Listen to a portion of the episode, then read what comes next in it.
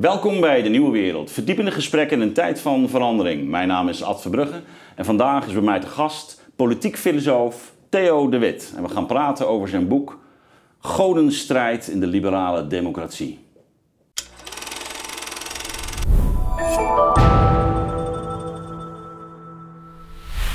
Theo, welkom. Dankjewel. Wij gaan het uh, dadelijk hebben over uh, de godenstrijd, over slachtoffercultuur, over nou ja, de huidige wereldorde die aan het uh, wankelen is. voordat we dat gaan doen, nog even een mededeling aan onze kijkers. Op zaterdagavond 9 juli hebben wij in Arminiuskerk, of de voormalige Arminiuskerk in Rotterdam, onze bijeenkomst van de Nieuwe Wereld. Een kijkersbijeenkomst. En um, dat belooft een hele mooie avond te worden. Inmiddels hebben zich al meer dan 300 mensen daarvoor opgegeven. We gaan met elkaar in gesprek, zoals u dat uh, van ons gewend bent, met uh, weer interessante gasten. Onder andere Matthias de Smet, uh, Maurice de Hond, maar ook Govert Buis en um, Harold Benink. En dus dat wordt heel interessant. En daarnaast uh, zijn Marlies, Thomas, ik, het hele team uh, aanwezig. Dat wordt een hele mooie avond. Dus geeft u zich op en ik hoop u daar allemaal te zien. Goed, Theo. Godenstrijd. Je hebt een theologische achtergrond. Dus laten we maar eens beginnen met die notie. Waarom godenstrijd in de liberale democratie? Nou, weet je, de... soms lezen anderen jouw boek nog beter dan je zelf kan. Ja. Een van de recensenten is ingegaan op dat, die titel. Ja. En die maakte de opmerking die ik heel treffend vond. Die zei eigenlijk van... Uh, Godenstrijd suggereert dat de strijd zich niet alleen uh, bij ons afspeelt... Mm. maar dat wij als het ware worden gedragen door zaken of gedreven door zaken, gefascineerd mm door zaken, meegesleept. Mm dat soort woorden moet je gebruiken. Missie. Ja. Ouderwetse woorden. Wij, wij zijn op missie of wij worden eerder meegesleept dan we zelf weten of dan we zelf beseffen. En we zijn als het ware, om zo te zeggen, uh, niet helemaal bewust van wat we doen. Ja. In in die, noem het maar, vroeger heet het ideologie. Je kunt het ook alles noemen. Het, het gaat om wat ons drijft. Ehm, kijk, er was een tijd dat iedereen het heel gewoon vond om het christendom overal op de wereld te gaan verbreiden. Mhm. Toen had je een tijd uh, dat het communisme een goed idee leek en de halve wereld is uh, gemissioneerd met communisme. Wij hebben als liberalen ook een tijd gedacht, lange tijd, zeker de afgelopen decennia, dat de liberale democratie eigenlijk een goed idee was dat het de rest van de wereld uh, konden brengen. Nou, en nu zitten we eigenlijk weer opnieuw op een soort keerpunt. Want de grote strijd waar ik het over heb in het boekje gaat eigenlijk over wat gebeurt er telkens wanneer de, de goden worden ter discussie gesteld, mm. of erger nog, verbrijzeld. En voor mij is heel erg leidend geweest, er staat ook in een citaat in het boekje een uitspraak van uh, Friedrich Nietzsche. Ja, ik, ik wou hem net zelf gaan noemen. Ja, precies. Die staat hier in hoofdstuk 1. Bladzijde 35. Ja, ik, ik vertaal maar even. Opdat er een heiligdom kan worden opgericht, moet er eerst een heiligdom worden verbrijzeld. Dat is de wet zegt Nietzsche. Dat is de wet van de geschiedenis. Geef mij maar één voorbeeld waar die wet niet is bewaarheid. Ja, nou, heel herkenbaar. Het is ook, uh, ik moet zeggen, ik heb het uh, boek met veel uh, ja, genoegen, herkenning. En ook, ja, ik moet wel zeggen, gelezen op een manier waarin je zelf weer geprikkeld wordt hè, om je gedachten te formuleren. Je weet, ik heb ooit in 2004 die essaybundel geschreven, Tijd van Onbehagen. En daar spreek ik over bovenindividuele machten. Ja. die ook binnen die liberale wereld eigenlijk toch opspelen, zonder dat we dat doorhebben. Nou, dat, dat, het, raakt eigenlijk ook aan die uh, thematiek, hè, dat, dat bovenindividuele, waarvan we in de, in, in de ban zijn. Ehm, ja, ik doe dat vanuit een bepaalde eh, invalshoek. Uh, en eh, op dit moment ben ik ook met een boek uh, bezig, wat, wat, wat eigenlijk die thematiek van godenstrijd op, weer op een eigen manier weer oppakt. Voor jou is uh, Karel Schmid heel belangrijk. Je bent ook gepromoveerd. je hebt destijds ook dat een mooi boekje, spraakmakende boekje over zijn begrip van politiek. het begrip politiek uit, uitgegeven destijds. Ehm, bij, waar was dat? Bij Boom, meen ik, hè? of niet? Ja. ja. Um, dat heb ik ook al heel vroeg uh, gelezen. Um, maar misschien goed om, om, om vooral ook dat, dat, dat eerste of dat tweede hoofdstuk eigenlijk, om dat als vertrekpunt te nemen van ons gesprek. En dan komen we dadelijk ook nog wel over cancelcultuur en slachtofferschap uh, te spreken. Ja. Nou, je refereerde er al even aan, hè, dus de, eigenlijk de liberale orde, waarvan wij, uh, nou ja, zeker vanaf de jaren tachtig en het postmodernisme, wat, er, wat erop volgde, ook wel dachten van, nou ja, dit, dit, dit is het dan zo'n beetje. en, en dat wordt eigenlijk ook met de huidige historische ontwikkelingen in het achterhoofd in toenemende mate problematisch dat is ook wat je, wat je laat zien. Dat er wat ja. geconfronteerd worden met verschijnselen. Uh, die, die zich eigenlijk niet meer goed laten begrijpen in die, in die categorieën. Maar ook dat dat liberalisme als het ware in zijn eigen uh, tegendeel omslaat. Hè? Of, de, of de idealen die het zegt te propageren eigenlijk in werkelijkheid niet meer goed kan uh, uh, realiseren. Uh, laten we dat, de, de, dat tweede hoofdstuk dan inderdaad uh, als vertrekpunt ja. nemen. Kun je schetsen ja. wat, wat nou jouw, belangrijke ja, gedachten zijn die je daar ontwikkelt?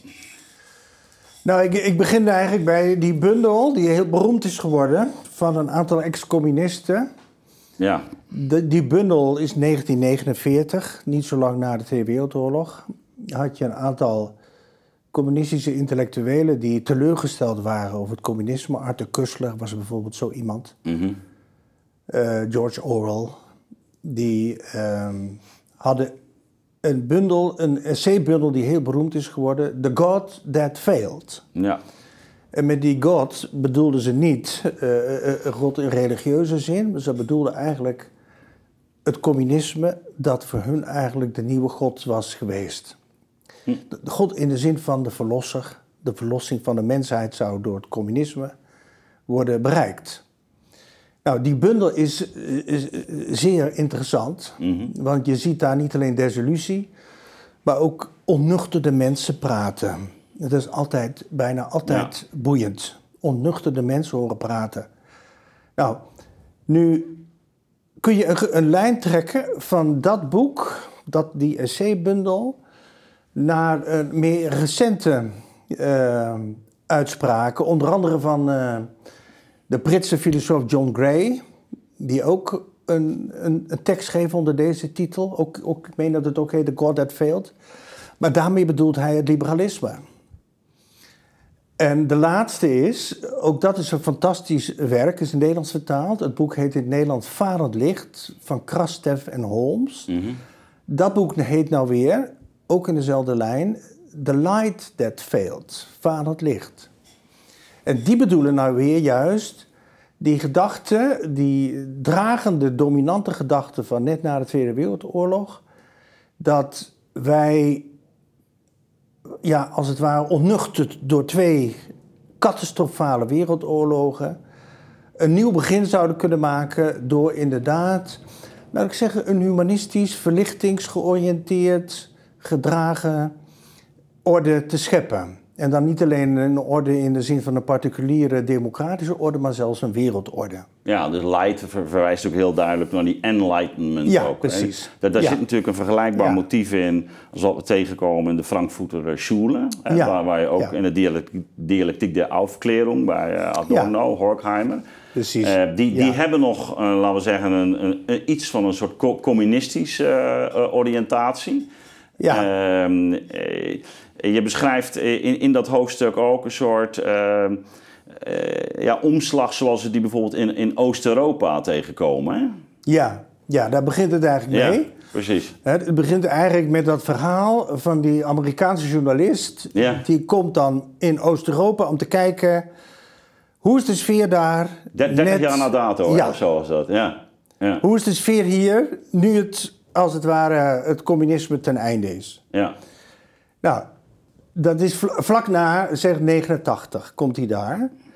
Nou, daar is inderdaad, zoals begrijpelijk, een, een rare combinatie van hoop Ja. en vrees. Van wat betekent het als wij ook kapitalistisch worden? Want dat was de bedoeling. Liberale eh, democratie betekent liberaal kapitalistische of ondernemersgewijs productie enzovoorts. Ja. In die landen. Ja, met met Nou. de consumptie die daarbij hoort. En consumptie, Ja. Reisgedrag, noem maar op. Toeristen, nou. Eh 30 jaar later komt hij er weer. En hij treft een aantal... Soms, soms spreekt hij dezelfde mensen. En hij treft daar enorm veel teleurstelling, wrokkigheid, ressentiment, naar binnengekeerdheid, eh, xenofobie zelfs. Ja, In- dat, dat zien we ook. Hè. De- ja, ja. In, in landen zoals Hongarije, Polen, eh, Bulgarije soms ook. Ja, waar ook die rechtsstaat eigenlijk eh, onder druk komt te staan. hè. Ja. ja. Ja, dus daar komt eigenlijk een nieuw type, wat ze zelf noemen, het is niet mijn woord, het is hun woord, de ill- illiberale democratie. Ja. Soms wordt het ook wel nationale democratie genoemd, hè, zoals in, in Hongarije. Of Polen heeft dat ook sterk, die gedachte van eh, een, een, een democratie moet vooral worden gedragen door een nationale eenheid, een homogeniteit. En dat heeft zo zijn prijs. ja. Tot onze verrassing natuurlijk, want wij dachten, i- ik moet ook zeggen, misschien in onze naïviteit, als West-Europeanen dachten wij, ehm, ze gaan worden zoals wij. Habermas, een van de modelintellectuelen van na de Tweede Wereldoorlog, had het niet voor niks over de nachholende revolutionen in Oost-Europa. En nachholen betekent inhalen. Ja, waarbij ook die imitatie een Ja. belangrijke categorie is. Ja. Hè? Ze, ze, ze gaan doen wat wij doen. Ja, ze gaan doen wat wij doen. Ja, En een tijd lang is dat ook ehm, geprobeerd. Of in ieder geval zijn daar stappen gezet in, in die richting. Maar eigenlijk kun je eigenlijk al zeggen, er zit iets heel raars, eh, paradoxaals in het hele idee van navolging of imitatie. Als je dat wilt, verbinden met zulke dingen als autonomie, ja, zelfbeschikking, eh, soevereiniteit. Want kijk, als het erom gaat dat zij ons navolgen en wij als het ware dat ook monitoren, wat we ook gedaan hebben, kun je ook vragen waarom dan eigenlijk democratie? Als het toch al vaststaat in welke richting je moet ontwikkelen, namelijk deze richting. nou ja, dan kun je bijna niet anders eh, als ehm, eh, uitgaan van, van zoiets als een waar en een vals bewustzijn. Hè? Ja, zoiets. Eh, de, Ja. je, je refereert daar ergens ook nog aan. Dat is ook Ja. eigenlijk het dilemma wat speelt bij Marcuse in zijn. Ja. Ja. dus, dus ja, want zolang jij de verkeerde ideeën op nahaalt, dan ben je eigenlijk nog niet bevrijd. Ja, dus dus je, je nabootsing moet er eigenlijk één zijn waarin jij verlost wordt van de, van de foute ideeën. Ja, je zit eigenlijk een idee van vals bewustzijn in. Ja. Ook, ook, ook Marcuse, daar wordt een hoofdstuk aan gewijd in, in dat boekje. ehm, had eigenlijk ook zo'n idee. Hij had dus het idee van ja, eigenlijk is de echt tolerante samenleving een bevrijde samenleving. Ja. En daarmee bedoelde hij vooral bevrijd van valse ideeën die je vooral bij in, in het kapitalisme toch nog massief aantreft. Dat, dat is natuurlijk ook echt een, een, een principieel probleem zeg maar, binnen dat eh, communisme zelf ook geweest. Hè? Dat, eh, en, en, en tot op zekere hoogte kampen wij dus met een vergelijkbaar probleem, zou je Ja. kunnen zeggen. Eh, dat je eh, niet, eigenlijk niet anders kunt dan degene die niet dezelfde opinie als jij erop nahoudt, ofwel te begrijpen als iemand die nog achterloopt. Ja, Hè, is die, die eigenlijk, zoals bij Fukuyama, die nog de gang Ja. van de geschiedenis moet, moet eh, doormaken. Eh, dan wel iemand die, ja, die zich eigenlijk verzet tegen wat des mensen is. Dus bijna inhumaan wordt. ja, Hè, dus een soort, soort twee sporen van... eh, eh, ja, eh, En, en, eh, dus je, je, en daar zit in beide gevallen, eh, om, om met Spengler te spreken, dat toch dat, die enorme eisende ethiek van, van die Faustische cultuur in. Hè? Dat, dat, dat onze opvatting over wat goed is, dat dat, die, dat die ook een universele geldigheid heeft. Dat missionair, hè, Ja, waar ik het al in het begin over had. Ja, de, eh, Fukuyama zegt letterlijk in, in zijn beroemde boek van, van net na 89, zegt hij... In het Midden-Oosten zijn mensen net met horten en stoten de 16e eeuw binnengewandeld. Ja. Dit, dit soort dingen. Ja. Dus de gedachte is van, kijk, wat wij allemaal al achter ons hebben gelaten, die verschrikkelijke 16e eeuw met die godsdienstoorlogen, da- dat moeten ze daar allemaal nog door. Ja. Maar het model blijft, zij gaan dezelfde geschiedenis doorwandelen. Dat, dat, dat, is Op worstelen. natuurlijk- dat is natuurlijk ook het hele grote probleem rond al die noties die we tegenwoordig zo omarmen binnen die neoliberale orde, zoals inclusiviteit, diversiteit.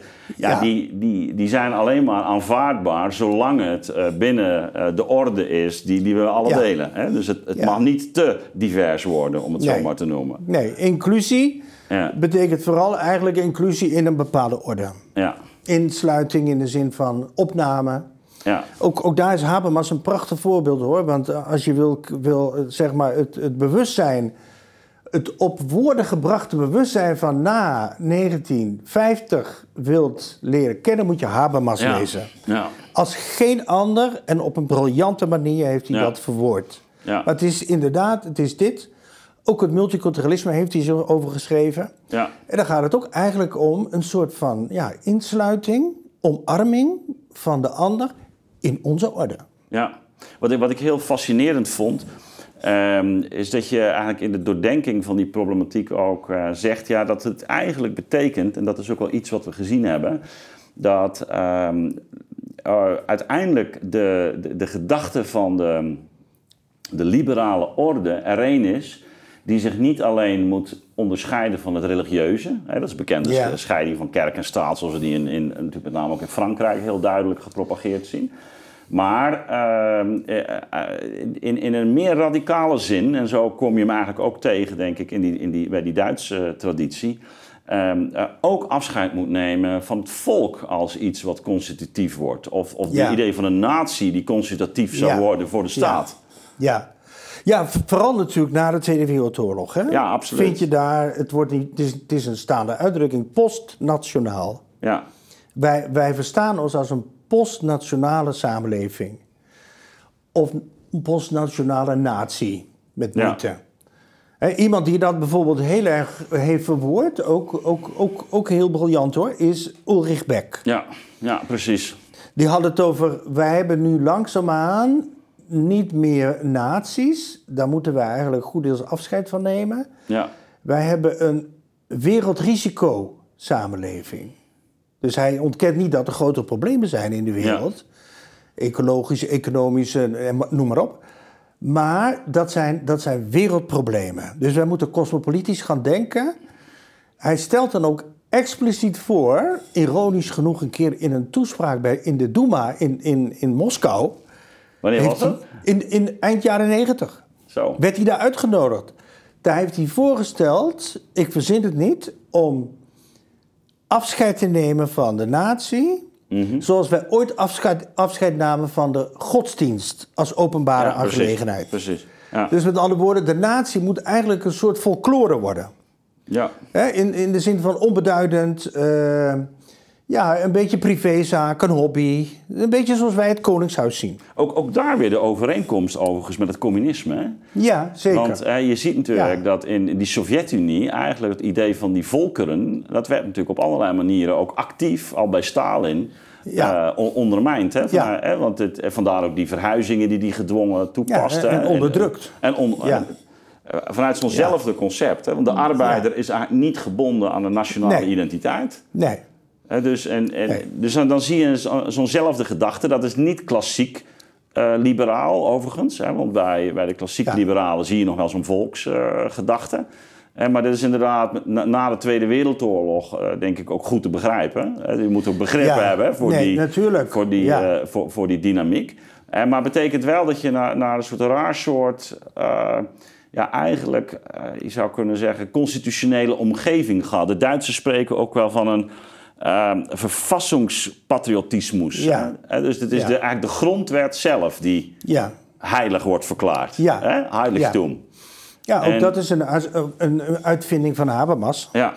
Niet Ja. uitsluitend, maar toch voor- vooral, hij heeft die term verfassingspatriotismus Ja. als een soort alternatief voor gewoon patriotisme, nationalisme. Daar moet je natuurlijk helemaal niks van hebben. Nee. Zoals de meeste Duitsers. Eh, verfassingspatriotisme is zoiets van wij delen een bepaalde rechtscultuur. Dat is, dat is eigenlijk wat hij graag zag. En delen is dan nog zwak uitgedrukt. Je moet die eigenlijk uh, omarmen. Ja. Je moet daarvoor gaan staan. Ja. Dus daar moet een zekere effect bij komen. Het gaat er niet om dat we zeggen, ja, we hebben nu eenmaal spelregels. Nee, het gaat erom dat je daar dus trots op bent. patriotisme is trots er ergens op. Ja. Nou, en dat, dat was zijn, als het ware, zijn alternatief voor... Dat, ja, dat, dat, dat brengt ons ook op de godenstrijd en op Schmid. Ja. Want uh, voor Schmid zijn dus de fundamentele categorie van het, het politieke... natuurlijk dat onderscheid vriend en vijand. Ja. En ja. Ehm, eh, ja, je zou kunnen zeggen, wanneer je nu, nu, het nu hebt over uh, dat verfassingspatriotismus... dus die, die, dat, dat, dat trots zijn op die constitutie, los van welke religieuze of, of nationale, nationalistische inspiratie dan ook. En dat je ook, gek genoeg, ook weer je, je tegenstand creëert. Maar dat is niet helemaal de Smithiaanse vijand, hè? Nee, je zou kunnen zeggen, Schmid die zag dus tijdens de Weimarrepubliek, want dat was de periode waarin hij eigenlijk de meest productieve ja. geschriften heeft, uh, heeft vervaardigd, zag hij dat het niet werkte. Daar was zoiets als een verfassingspatriotismus, de bedoeling. Ja. De grondwet van Weimar was een zeer goede en zeer progressieve grondwet. Heel democratisch, in, in de zin van procedureel democratisch. En toch had de grondwet van Weimar van meet aan links en rechts enorme tegenstand en vijanden. Zo erg dat het af en toe op de rand van een burgeroorlog zweefde. Straatgevechten, en je moet aan dat soort dingen denken. Ja. Ja. Nou, dat heeft ertoe geleid dat er regelmatig werd ingegrepen door eigenlijk een beroep te doen op een soort noodtoestanden. Mm je had artikel 48 van de Weimarer uh, Grundverfassung. Um, die ging over het recht van de president om tijdelijk bepaalde rechten van burgers buitenspel te zetten. Zeg maar een soort dictatuurartikel had je. Ja. Maar dat was dan ook meer of meer volgens de grondwet. Want dat was eigenlijk voorzien in de grondwet. Ja. Nou, dus de instabiliteit van Weimar leidde tot dit, dit type van, van ingrepen. Maar natuurlijk ook, ook, ook daar denk ik, kunnen we vandaag iets van leren, zelfs in Nederland. Dat um, Schmidts theorie van politiek wil eigenlijk rekening houden met die nieuwste ontwikkelingen. Namelijk dat de staat niet langer het echte subject van politiek is, of het monopolie op de politiek heeft. Ja, dat, dat, dit, is een heel belangrijk uh, onderscheid, hè? Ja, dus De, de, de gedachte was lange tijd in Duitsland... staat is eigenlijk hetzelfde als politiek. Of omgekeerd. Politiek, dat is iets van de staat. Ja. Nou, Schmid die zag, het is niet meer waar. Dat klopt niet meer. Er zijn dus maatschappelijke actoren Hè, noem maar in die tijd natuurlijk ook zulke dingen als arbeidersbeweging. Ja. Maar je had ook soms hele machtige kerken. Ja. Waar je Bismarck al te mee te maken gehad. Ja. Dus je had als het ware maatschappelijke bewegingen. Ook dat woord is belangrijk. Bewegingen en partijen en, en woelingen. Die ook wat wij zouden noemen politiseren. Dingen politiseren. natuurlijk dingen rond armoede allereerst. Dingen rond inderdaad arbeiderskwesties, maar ook hele andere dingen. Je, hij zei eigenlijk van, politiek moet je onderscheid maken met het politieke. Politiek kan misschien iets van de staat zijn, het politieke is iets wat zich roert in de samenleving en dat heel erg intensief kan worden. Dat is het woord dat hij gebruikt. Ja, en, en, en dat zover gaat, want dat, dat, dat is voor Schmid heel belangrijk, dat mensen uiteindelijk bereid zijn om zelfs hun leven daarvoor te geven. Precies. Ja. En dat is de, eigenlijk beslissend. Dus eh, dat betekent dat ze de verhouding tot die ander in termen van vriend en vijandschap uh, denken. Ja. Ja. Dat, en- dat en- is zijn, zijn gedachte. Dus, dat, dus dat hij is- zag toen ook die, die, laten we zeggen, die revolutionaire cellen, de communistische beweging, eh, nou ja, de fascisten natuurlijk, Ja, anarchisten. nazi's, de anarchisten. syndicalisten. Maar die eh, ook vanuit de, Ja. die ervaring van de Tweede Wereldoorlog, of Eerste Wereldoorlog, ook een mentaliteit hadden waarin ze ook niet terugschrokken voor het gebruik van geweld. Precies. Ja, dat- ze hadden als het ware geoefend. Ja, Hè? Dat was natuurlijk, en het idee van het offer, ja. maar dan offer voor het vaderland, was in de Eerste Wereldoorlog al heel erg eh, populair. ja. In de zin van, eh, ja, het bijna een doel in zichzelf geworden. Offer voor Ja. het vaderland is het hoogste wat je als burger kunt doen.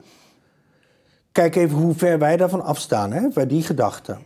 Schmidt die dacht, kijk, je hebt de staat die dat vraagt van de burgers in, in tijden van oorlog. ja. Dan moeten we inderdaad als soldaat optreden. eh, Er is zelfs dan algemene dienstplicht enzovoort.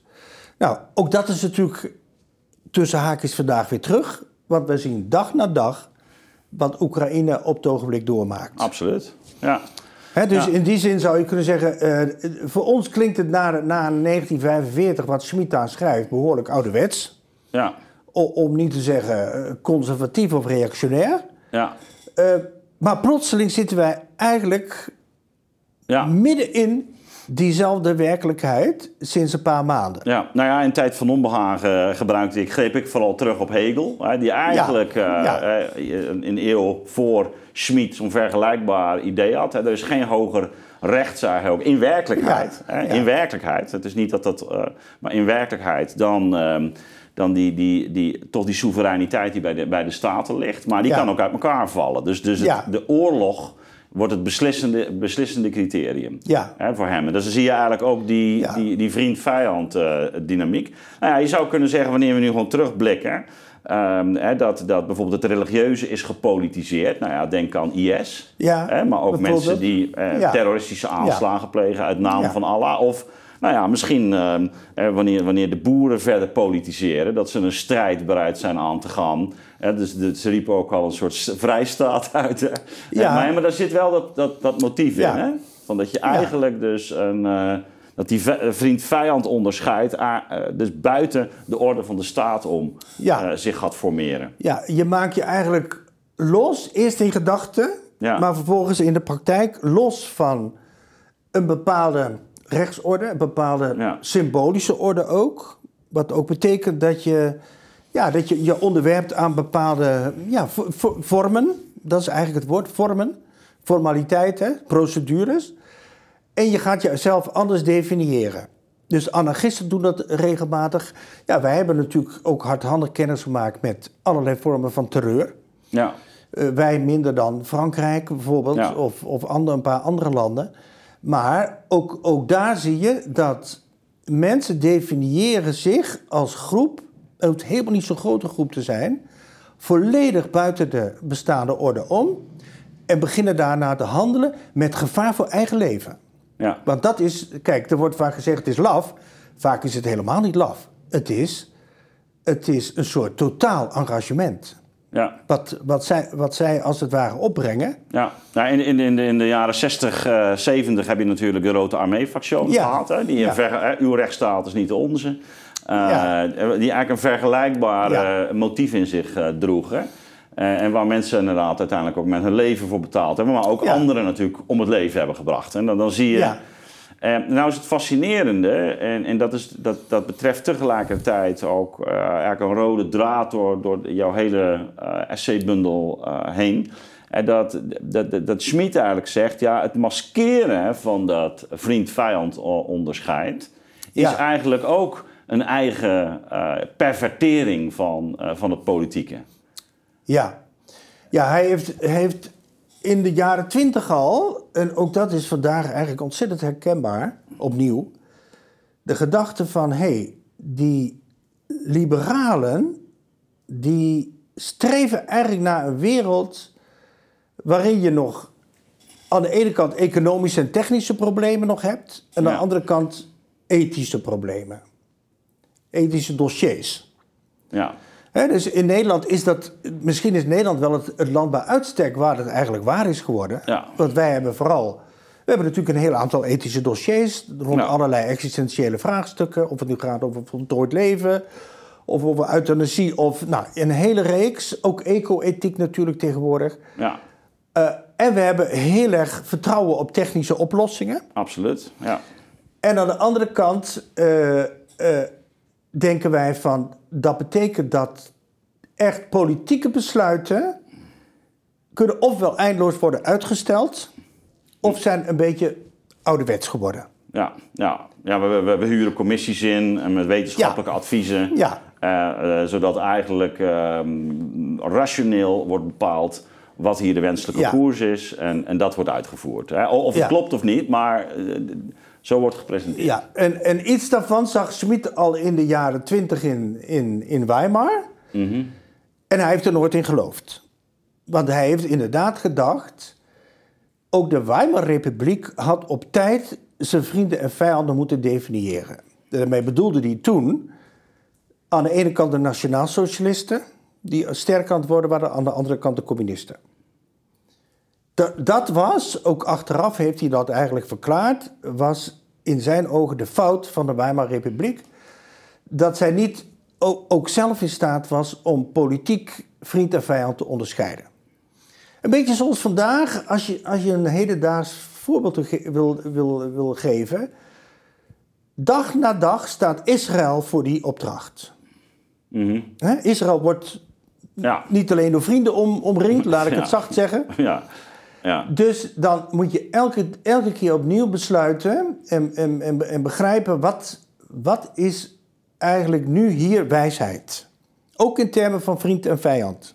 Ja, maar wat, wat natuurlijk mooi is in, die, in dat onderscheid vriend-vijand, zoals hij het re- dus in verband brengt met de staat, is eh, de gedachte dat dus de, jouw eh, tegenstander eh, nog wel degelijk een zekere, zou ik kunnen zeggen, noodzaak en zelfs waardigheid eh, behoudt. Hè? Ja, Dus eh, als vijand bepaalt hij eigenlijk eh, ja, jou ook als vriend. Ja. Daar zit ook, Ja. daar gaan we het nu niet over hebben, zit ook wel een probleem in. Hè? Maar in die, Ja. in die tegenstelling definieer je ook je eigen positie.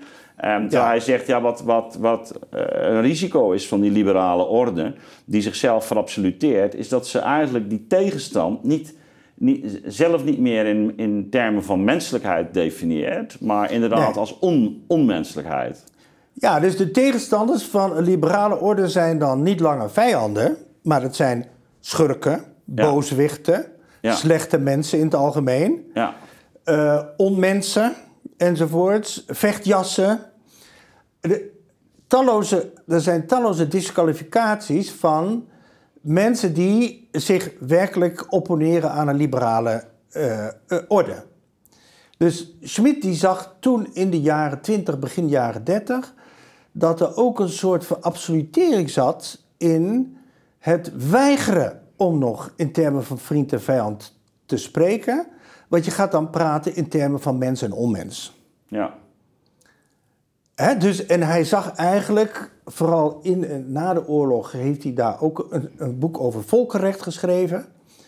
Daar zag hij eigenlijk de worsteling in Europa om zoiets als soevereine staten te aanvaarden, die elkaar als het ware in een soort evenwicht houden, maar die ook een soort code gaan ontwikkelen. Dat, dat noemen wij natuurlijk volkenrecht. Een Ja. code betekent niet dat je geen vriend of vijand meer hebt.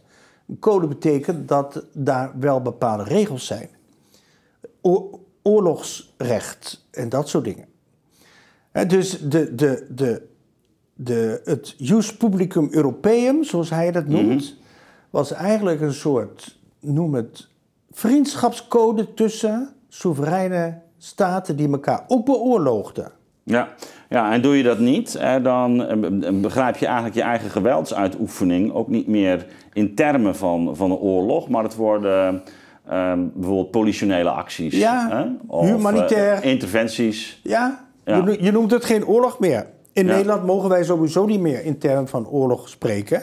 Ja, Wij hebben het over. eh, ja, eh, wij, wij zien het proberen te verkopen als hulpverlening. Zoals we in Ja. Afghanistan gedaan hebben. ja, Als een soort van, eh, ja, bijna welzijnswerk. Terwijl in de werkelijkheid was het Ja. natuurlijk vaak anders. Absoluut. Dus er zit Ja. een zekere hypocrisie in die liberale ontkenning van vriend-vijand verhoudingen. Ja. En da- dat heeft Schmid goed gezien, denk ik. Kijk, de antwoorden die Schmid gaf, eh, met name ook natuurlijk eh, in, in de jaren 30. Kijk, hij, uiteindelijk heeft hij voor Hitler gekozen. ja. Geen enkele twijfel over. Ja. Hij heeft pas in 243 daar afstand van genomen. Hij heeft zelfs die oorlog Ja, nog gesteund enzovoort. En Dat was, meen ik, eh, na Stalingrad. Hè? Toen zag hij van, nou, we dus gaan het verliezen. dacht- we, we gaan het hij zag het niet Ja. meer zitten. ja. Ja.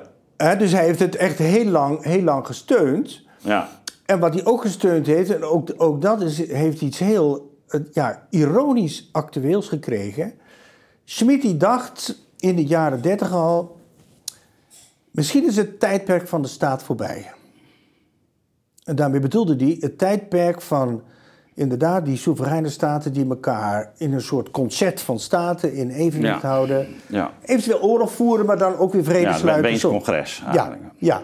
Ja. Misschien is die tijd voorbij en gaan we in de richting van waar hij, wat hij noemde grootruimen. Dat betekent zoiets als imperia.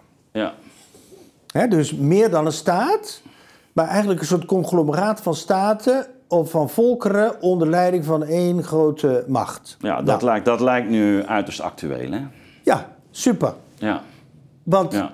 dat heeft hij natuurlijk destijds gesteund dat Hitler dat ging doen hè, in zijn verovering. Ja. Eh, nou, dat is op een enorme catastrofe uitgelopen, zoals we weten. Nou, na de oorlog is eigenlijk dat die gedachte van soevereiniteit hersteld. Ja, ook, ook door de eh, Veiligheidsraad en zulke eh, Ja. instellingen. Nou, maar nu zitten wij met toch een soort kater van dat onze idee van wereldorde... Dat alle... Niet, niet door iedereen wordt geaccepteerd. Nee, zacht gezegd. Ja. China Ja. eigenlijk al vanaf 89 niet. Nee. Het neerslaan van die studentenopstanden toen. Ja, daarvoor ook al niet. En daarvoor natuurlijk ook Nee. niet. Nee, toen hadden ze ook nog een soort van eh, ja, universalisme Ja, eigen- ja eigenlijk. communistisch univer- universalisme. Ja. nou, of Maoïstisch. Nou, Ja. dus die, die hebben, zijn niet meegegaan in 89 toen wij 30 jaar lang in een soort verbeelding hebben kunnen leven van de wereld gaat op ons lijken. Ons soort, soort eh, liberale orde. Nou, heel recent hebben wij, ervaren wij nu dat ook Rusland eh, niet, niet alleen protesteert, maar ook daarna handelt. Ja. Je kunt Rusland vanuit, vanuit Schmid gezien ook zien wat er nu gebeurt, wat Poetin doet, als een wraak van de politiek op de globalisering. Ja, waar, waar globalisering eigenlijk dus, zoals we het zo even eh, eigenlijk hebben uitgelegd, dus een, een, een economische orde is. eh, Ja. waarin, waarin dus die, die staat vooral dus eh gede-ideologiseerd en Ja. gedenationaliseerd is. Ja, het Eh, wordt eh, governance in plaats van politiek. Global governance is ook de term. Ja, Het betekent dus een groot veel macht voor financiële instellingen. absoluut. Ja. Europese Centrale Bank, IMF en een hele reeks van dat soort Want dat is, instellingen. dat, dat is natuurlijk tegelijkertijd de uitschakeling van het democratische. Ja, bedoel, ook- dat is, ook dat. hè, dat Ja. is waar Spengler in zijn Untergang des Ja. Abendlanders natuurlijk eigenlijk ook al op wijst dat het, bijna onvermijdelijk eh, de, eh, Ja. de toekomst is. Want het is die, dat het democratische zelf ook, hij voorziet dat het dan in de 21ste eeuw dan ten onder zou gaan, eh, of eind 20ste, begin 21ste eeuw. Ehm, en nou ja, dus samen met Schmid eh, tekent zich nu inderdaad wel een scenario af waarin dat, waarin dat denkbaar wordt. Waarin, sterker nog, waarin dat eigenlijk uh, al over heel de wereld nu de, op dit moment in ieder geval de tendens lijkt te zijn. Want je beschrijft ook hoe ja, ook de opkomst van iemand als Trump bijvoorbeeld, Ja. eh, eigenlijk ook in, in dat licht moet, eh, moet zien. Hè? Ja, kijk, Trump, Trump had eigenlijk een, een ongelofelijke boodschap. Hij zei eigenlijk van al die mensen die ons nu imiteren, wat wij zo graag willen, beginnen ons over te nemen. Ja, En daar bedoelde hij allereerst China mee, ja, maar hij bedoelde ook natuurlijk eh, al die immigranten die allemaal in, naar, Ja. naar, naar ons willen komen. Dus wij zijn als degenen die geïmiteerd worden, nu zelf het slachtoffer. Dat was de boodschap van Trump. ja, En die sloeg nog aan ook in de VS. ja. Maar ook, ook met zijn nieuwe voorstel van ja, we moeten eigenlijk politiek weer vanuit uh, de naties denken. Nou ja, dat was er misschien een. een en waarbij natuurlijk wel, uh, nou ja, dat, dat, ja. je kan zeggen dat is misschien nog een, een, een, een, een, uitwijken naar die, die traditionele orde. Hè? Uh, ja. Maar tegelijkertijd is de vorm waarin hij dat deed uh, zo autocratisch dat het, althans in ja. zijn manifestatie, laat ik het zo zeggen. Hij bewonderde Poetin. Ja. Hij vond uh, Poetin, ja, die heeft zijn deel van de wereld. Ja. Zoals wij ons deel van de wereld hebben. En dan krijg je eigenlijk opnieuw een soort van, noem het man-to-man mm -hmm. betrekking de, dus inderdaad, een, een, een, een, de ene naast de andere orde. En niet langer de, de idee van de VS als een missionaire uh, natie. Die de, de rest van de wereld uh, democratie gaat brengen. Zoals zijn voorganger Bush nog dacht. Ja. ja, dan neemt hij echt afscheid van. Hè? Ja. De beide Bushen dachten nog zo. En, en, Trump nam daar afscheid van. En dat was zonder enige twijfel revolutionair. Want Amerika heeft altijd in, in die gedachte gehad van een zekere exceptionele missie in de wereld. En, en, en Trump was eigenlijk de eerste die daar echt afscheid van nam. Er waren natuurlijk ook isolationistische trekken hoor, van de VS eerder. Ja, nee, zeker. Maar daar was, was iets heel bijzonders aan Trumps uh, verkiezingsoverwinning, namelijk dat hij daar afscheid van nam. En eigenlijk zei, uh, dat leek heel bescheiden, hij zei van ja, wij moeten niet zo, zo arrogant zijn in de wereld. Wij zijn eigenlijk ook maar een, uh, een staat naast andere en ieder, elke staat moet voor zichzelf gaan. Dus ik kan heel goed begrijpen dat China dat ook doet en dat, dat Poetin dat ook doet.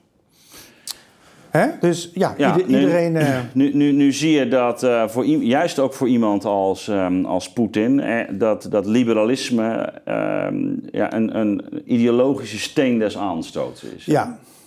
Ja. Um, eh, nou, daarbij verwijst hij ook regelmatig naar een aantal verschijnselen waarmee, uh, waarmee wij ook heden ten dagen ook laten we zeggen, binnenlands te kampen hebben. Denk aan het hele debat rond de woke-beweging. Ja. Uh, ja, het heeft een culturele dimensie ook. Ab, uh, absoluut. Ja. Um, ja. Interessant is wanneer jij uh, in, in, je laatste hoofdstuk dat fenomeen van het slachtofferschap uh, gaat ja. Want dat is natuurlijk, laten we zeggen, binnenlands bij ons uh, ook wel een heel uitgesproken categorie geworden. Hè? Dus die, die, dat idee van ja, dat er slachtoffers en het recht van de slachtoffer. Misschien kun je daar nog even want dat, dat, dat is enerzijds, laten we zeggen, een erfenis vanuit die liberale uh, orde. Anderzijds zet het het ook onder druk.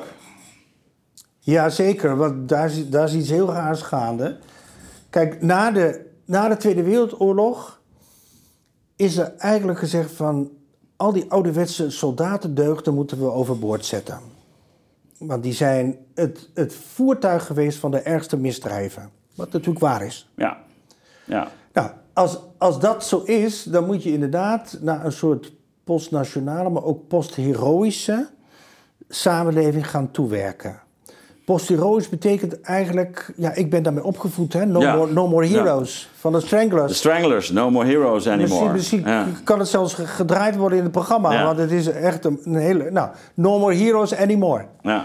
Dat, dat, was, dat was de popsong, of het, een soort popsong van mijn eigen jeugd dus uh, afscheid van, van heldendom, want dat is gekoppeld aan, aan zulke dingen als nationalisme en erger.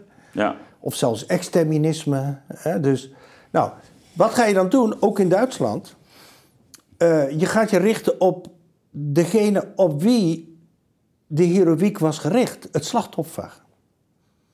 Allereerst natuurlijk de Joden als het slachtoffer bij uitstek. Ja. Als het ware bijna de, de, incarnatie van slachtofferschap. Maar ook alle andere slachtoffers van, van onrecht, maar ook van, van klima klimaatproblemen. Slachtoffers van uh, natuurrampen. En daar hebben wij natuurlijk een hele reeks NGO's aan overgehouden tot de dag van vandaag. Er gaat geen drie dagen voorbij of ik krijg daar nog steeds een, een vraag om geld. Ja. Van, uh, dat ze allemaal onze gerichtheid op slachtofferschap. Ja. Nou, dat heeft natuurlijk ook bepaalde gevolgen, namelijk dat jezelf als slachtoffer positioneren bepaalde voordelen krijgt. Je krijgt aandacht, je krijgt soms geld, je krijgt erkenning, waardering. Een soort waardering dat vroeger naar de soldaat en de verpleegster ging op het slagveld. Dus daar is een soort. Ja, en er, moet, en er moet een soort verrekening, hè? er moet compensatie komen voor, het, voor, het, voor het slachtoffer. Ja, ook dat natuurlijk. En je schetst ook dat dat bijna eigenlijk zo dominant wordt dat dat een soort tijdloze ruimte creëert. Waarin de geschiedenis eigenlijk ook uh, ja, dient als een, um, ja, een plek waar, waar je uh, de balans op gaat maken. Ja. Uh, en, ja. en, waar je dus vanuit, laten we zeggen, die notie van slachtofferschap dus, dus de daders gaat aanwijzen, de helden gaat vervolgen. Ja. ja. Kijk, ik, ik woon in de buurt van de, helden, de Zeeheldenbuurt in Utrecht. Ja. Maar ik wacht tot het moment dat het de Zeeschurkenbuurt wordt. Ja. Maar dat is een kwestie van uh, misschien een paar jaar. Hè, want wij zijn, wij zijn een soort rechterhand spelen nu over ons verleden. Ja. Vanuit zaken die nu eigenlijk heel normaal, om niet te zeggen totaal absoluut worden gesteld. Namelijk dat je iedereen eh, volgens de code van de mensenrechten behandelt. Hebben dat in het verleden niet gedaan, dan moeten we eigenlijk alsnog boeten. Dan moeten we dus inderdaad het daderschap uit het verleden gaan veroordelen. Het gevolg is natuurlijk ook dat wij daderschap als zodanig niet meer kunnen begrijpen. Ja. En daarom ook, ook met onze soldaten niks meer aan kunnen. Nou, zeg maar, ja, zelfs een dader die zichzelf niet eens een dader vindt, dan zit je weer op dat vals bewustzijn. Hè? Ja, ja. Hij heeft niet door dat hij een dader nee, is. Nee, dus wij, wij, wij dagen onze voorouders voor het tribunaal van onze voortreffelijkheid. Ja. Van onze morele voortreffelijkheid, die ja. wij eigenlijk menen te, te bezitten. Dat, dat is eigenlijk wat we doen. En dat doen we uit een soort. Ook dat is politieke correctheid. Mm -hmm. Die, die uh, helaas vaak niet zo genoemd wordt, maar dat is natuurlijk bij uitstek. Is het politieke correctheid om te zeggen van. Wij zitten op de hoogste trap van de beschaving, ideologisch minstens. En wij gaan oordelen over ons verleden, koloniale verleden, ons, ons zeeheldenverleden, ons weet ik het, wat we allemaal destijds gedaan hebben. Ja. En dan moet natuurlijk vervolgens ook, dan wordt, het wordt ook betalingsdag.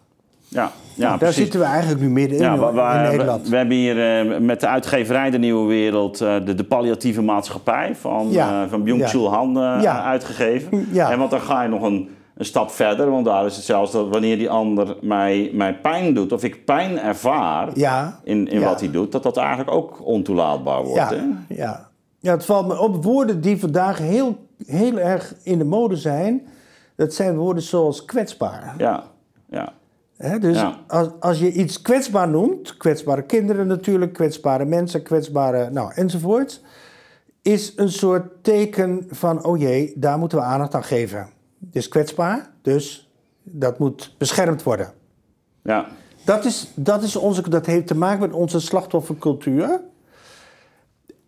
Nu, en dat maakt deze tijd zo fascinerend, zien we ook iets heel anders gebeuren. Namelijk, wij kunnen ons opnieuw identificeren met een natie in oorlog, Oekraïne, ja. die een soort liberaal nationalisme koestert, of in elk geval eh, eh, eh, zegt dat te doen. ja. En we zijn plotseling massief solidair met, met die natie. Dus in één keer hervinden we ook iets van onze oude heroïsche aders, aderen terug. Omdat we daar zien van deze mensen vechten echt ergens voor. Het zijn niet alleen slachtoffers, zij zijn, zij zijn strijdbaar. En dat hebben we natuurlijk lang niet gezien.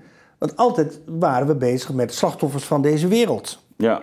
En daar is natuurlijk de solidariteit ook beperkt.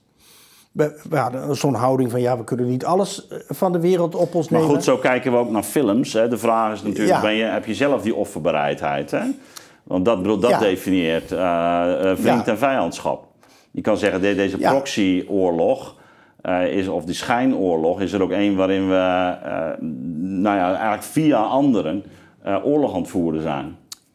ja, Dus wij, dus wij zien wij- het voor een deel als onze oorlog. Ja. Zij, zij vechten Ja, voor maar onze precies, waarden. dat bedoel ik. Dus is Of onze... ze dat ook echt doen, dat is Dat is eigenlijk nog nog maar maar de vraag. vraag, hè? Ja.